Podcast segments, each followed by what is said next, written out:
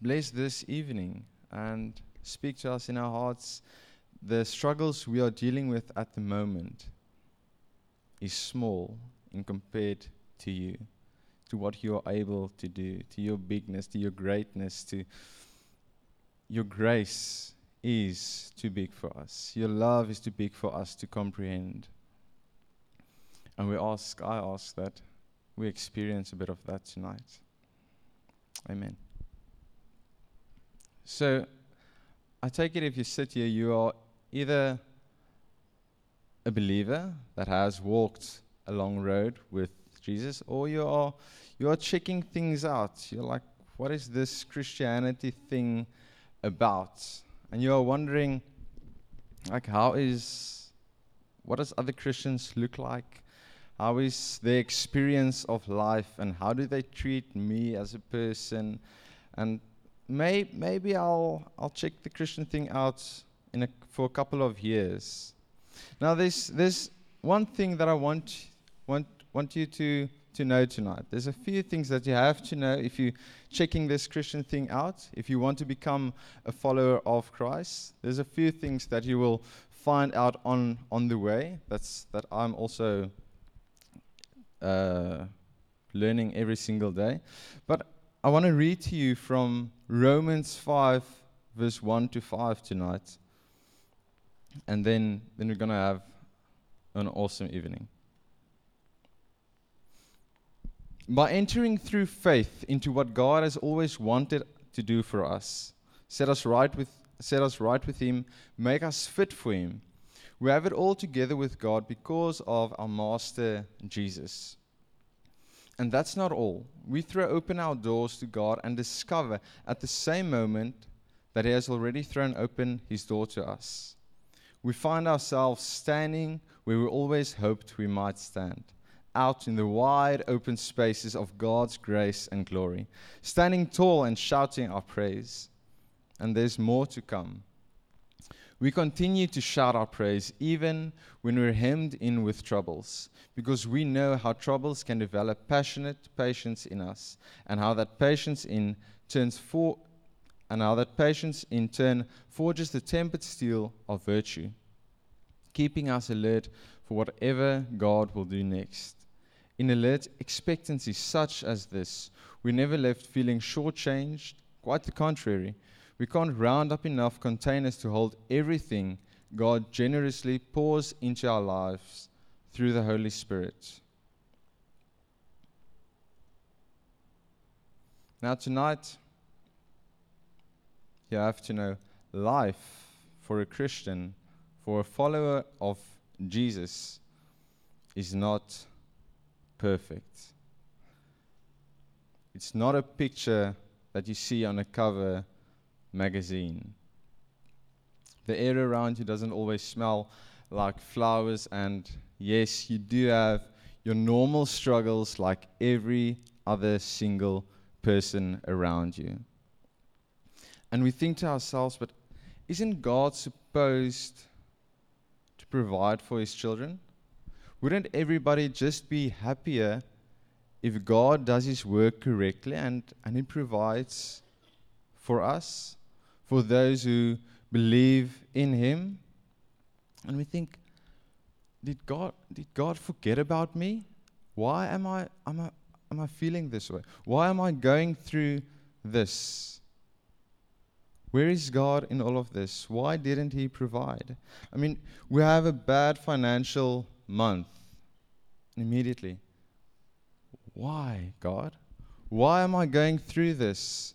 Your relationship with your wife is on the rocks, and you're thinking, where is God in this situation? Why isn't He providing us a way out? Why isn't He making this better for us?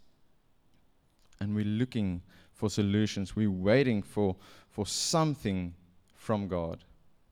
Because apparently it's his fault. Now, the Bible says God is our provider. But at this moment in your life, you don't feel his presence here. You don't feel his providence in your family. And something I've learned early in my life is that I am thankful. I am thankful not because of my circumstances, but I'm thankful despite of everything I'm going through, despite of everything going on around me, I will still be thankful. Now, usually we are thankful when, when everything is going good, everything is going your way. Your family life is perfect. You have a beautiful wife. You have beautiful children. They all get A's in school. It's going awesome at your work. Your boss loves you, and pretty soon you might even get a raise. And you don't even need that money, but it's going to be awesome if you get the money because then you have a few bucks to sp- give out at different places. And and you are truly thankful for what you have. And then life happens. You fall off the unicorn that you that you had. You work more hours than you normally did because of that raise. You don't see your wife and your kids that often anymore, and your relationship with your wife is not the same as it used to be. The children doesn't treat you with the same respect they used to. They, they're teenagers now, and th- they got an attitude, and you don't exactly know what happened. Your house doesn't feel welcome anymore. When you come from, from the workplace to the home, you step right into another war zone. And, and you ask yourself, what happened from here to here? And it's not thank you, Jesus, anymore, like it used to be. It's why, Jesus? Why did you let this happen to me? Why aren't you providing anymore? Because I need it. I need it seriously. I need you to provide for me, for me, for us. And in one moment, we forget how God has provided in the past. And I think about someone who lost everything and immediately you know I'm talking about Job. Now, a lot of us, most of us, knows his story. His story is a perfect story, a cover page guy with his family, wife, beautiful children, farm, rich man. And in an instance, he lost everything, taken away from him. He lost his children, he's lost his workers, he's lost his farm animals, everything. And he's left with his wife, and his wife wants him to, to curse God, but he doesn't do that. He goes on and he asks, How could this happen?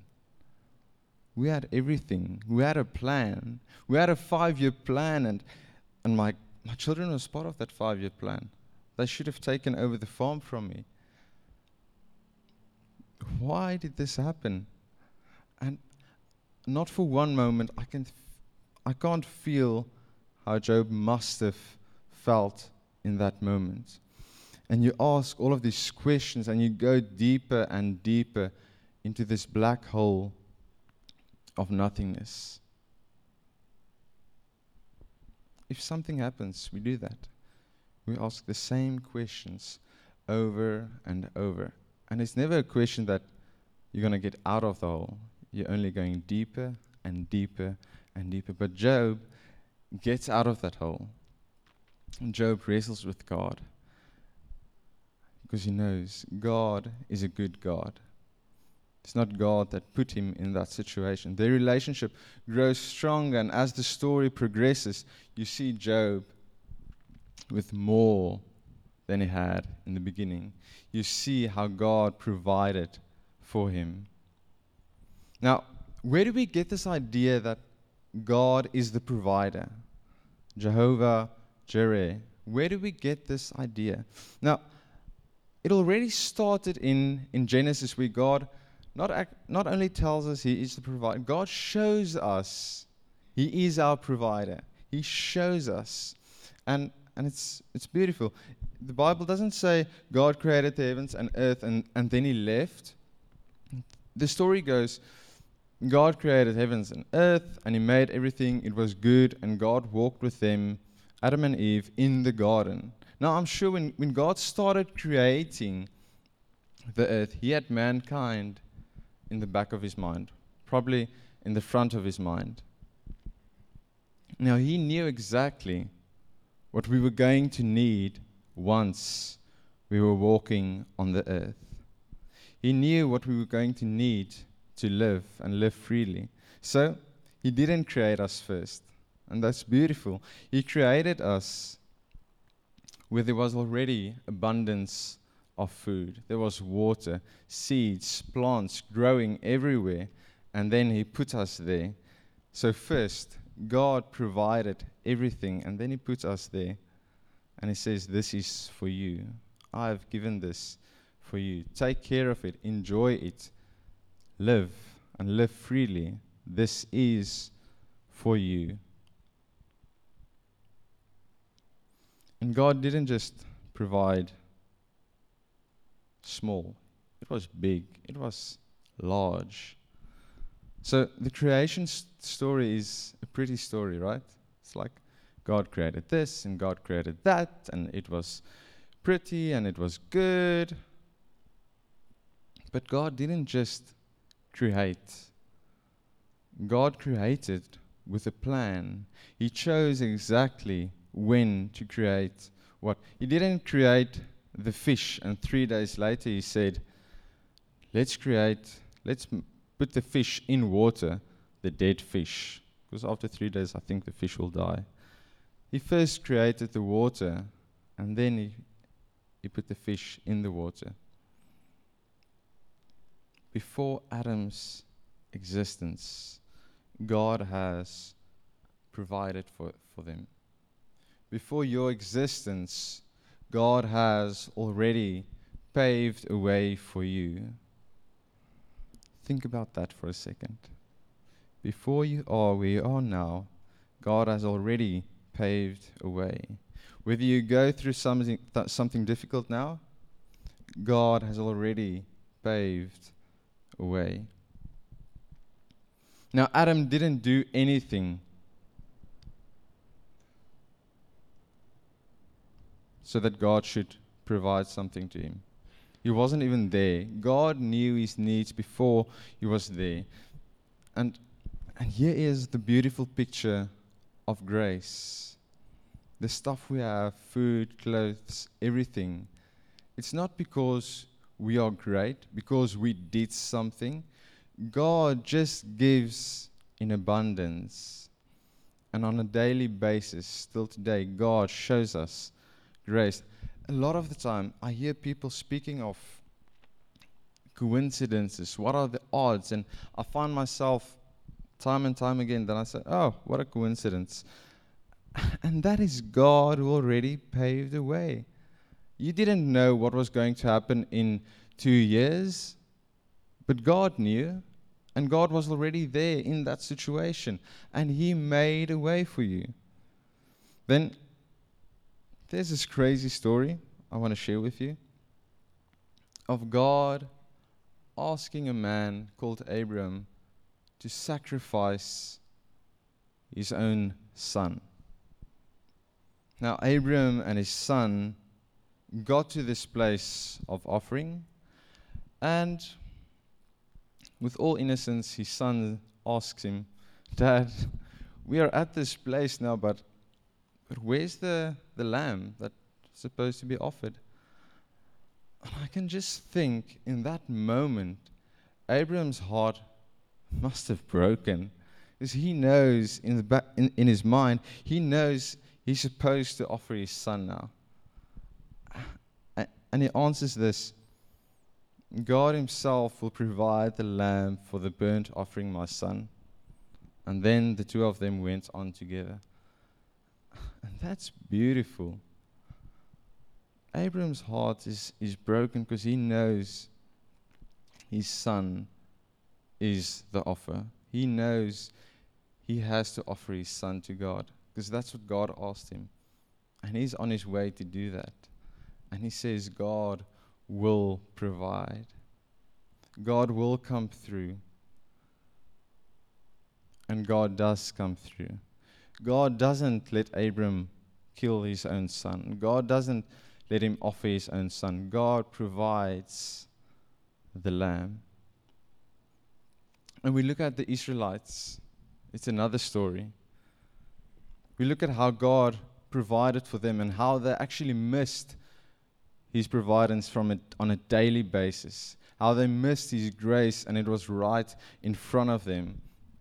The Israelites were caught in slavery for years, and, and God sent someone, Moses, to free them out of that.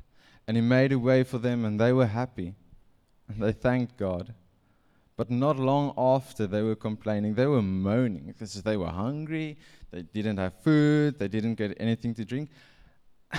and on a moment, they just th- thought it, sh- it would have been better to stay there, to stay in slavery, to not be free, because l- we actually got some food over there. So they didn't do anything to earn grace. They didn't do anything to earn God's providence. They were bad. They, they were bad people. But God kept on providing again and again and again. And to this day, He still provides. And 2,000 years ago, God came and He sent us the Lamb. He sent us His Son.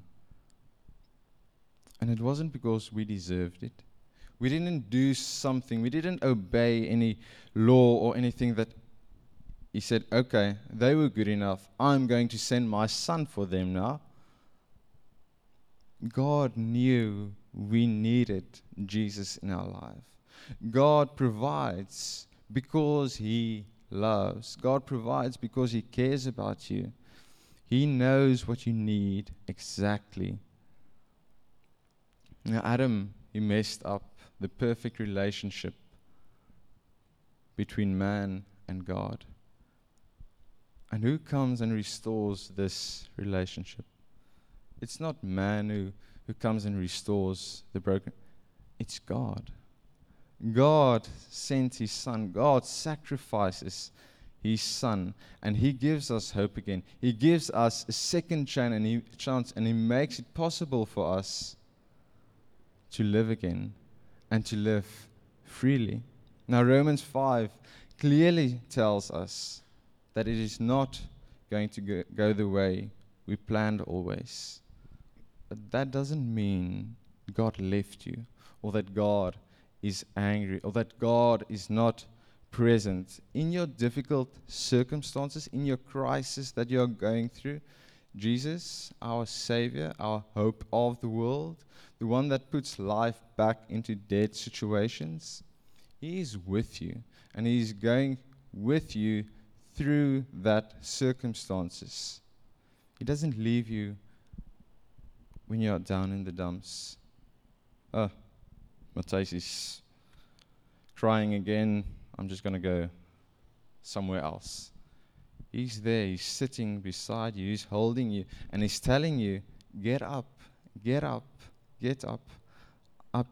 I made a way for you. Just open your eyes and see the way that I've made for you. When we talk about God, our provider, don't just think about this that you wear, the food on the table, your finances, because that's only this bit that God provides. It's not you, it's not, it's not me that put the food on the table. God provides. But that's only a little bit we should open our minds. Jesus himself said, He is the bread of life, and that is all you need. He provided Himself to me and you so that we can live, so that we can live in abundance. Jesus didn't provide to make you fat, figuratively, He provided. First of all, the fact that he came is grace. Okay?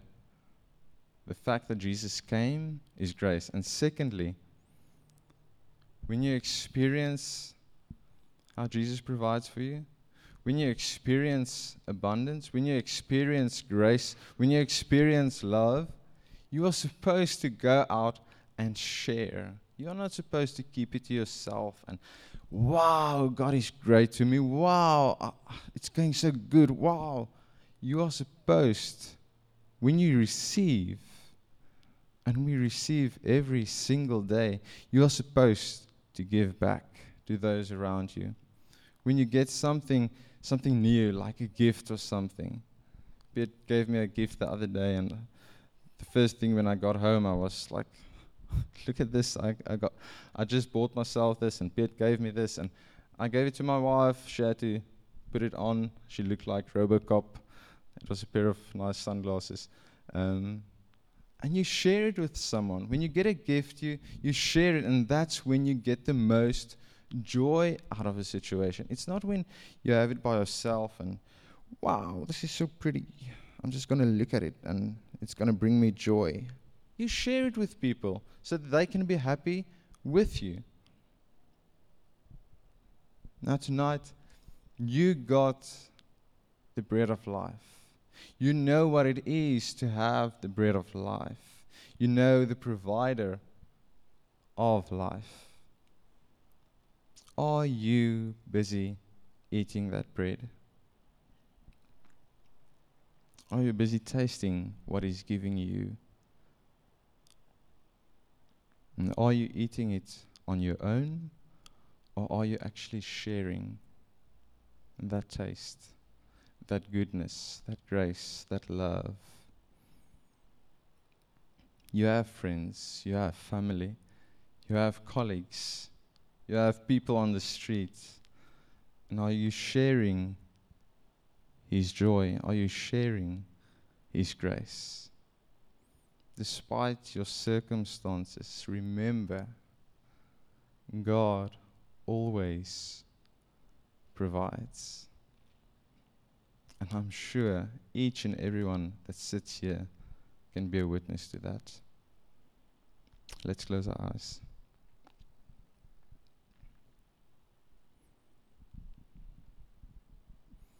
God, thank you that we can look into our lives. We can look into our past and and see you are good. You do provide. You do come through. No matter what's going on around us in our city, in South Africa, in our family. God, you are going through it with us. And you are providing a way. You have made a way for us in the wilderness. And you are telling us, open your eyes and look what I have given you. God, come and heal the broken. And those who are sitting with pain, come and heal them.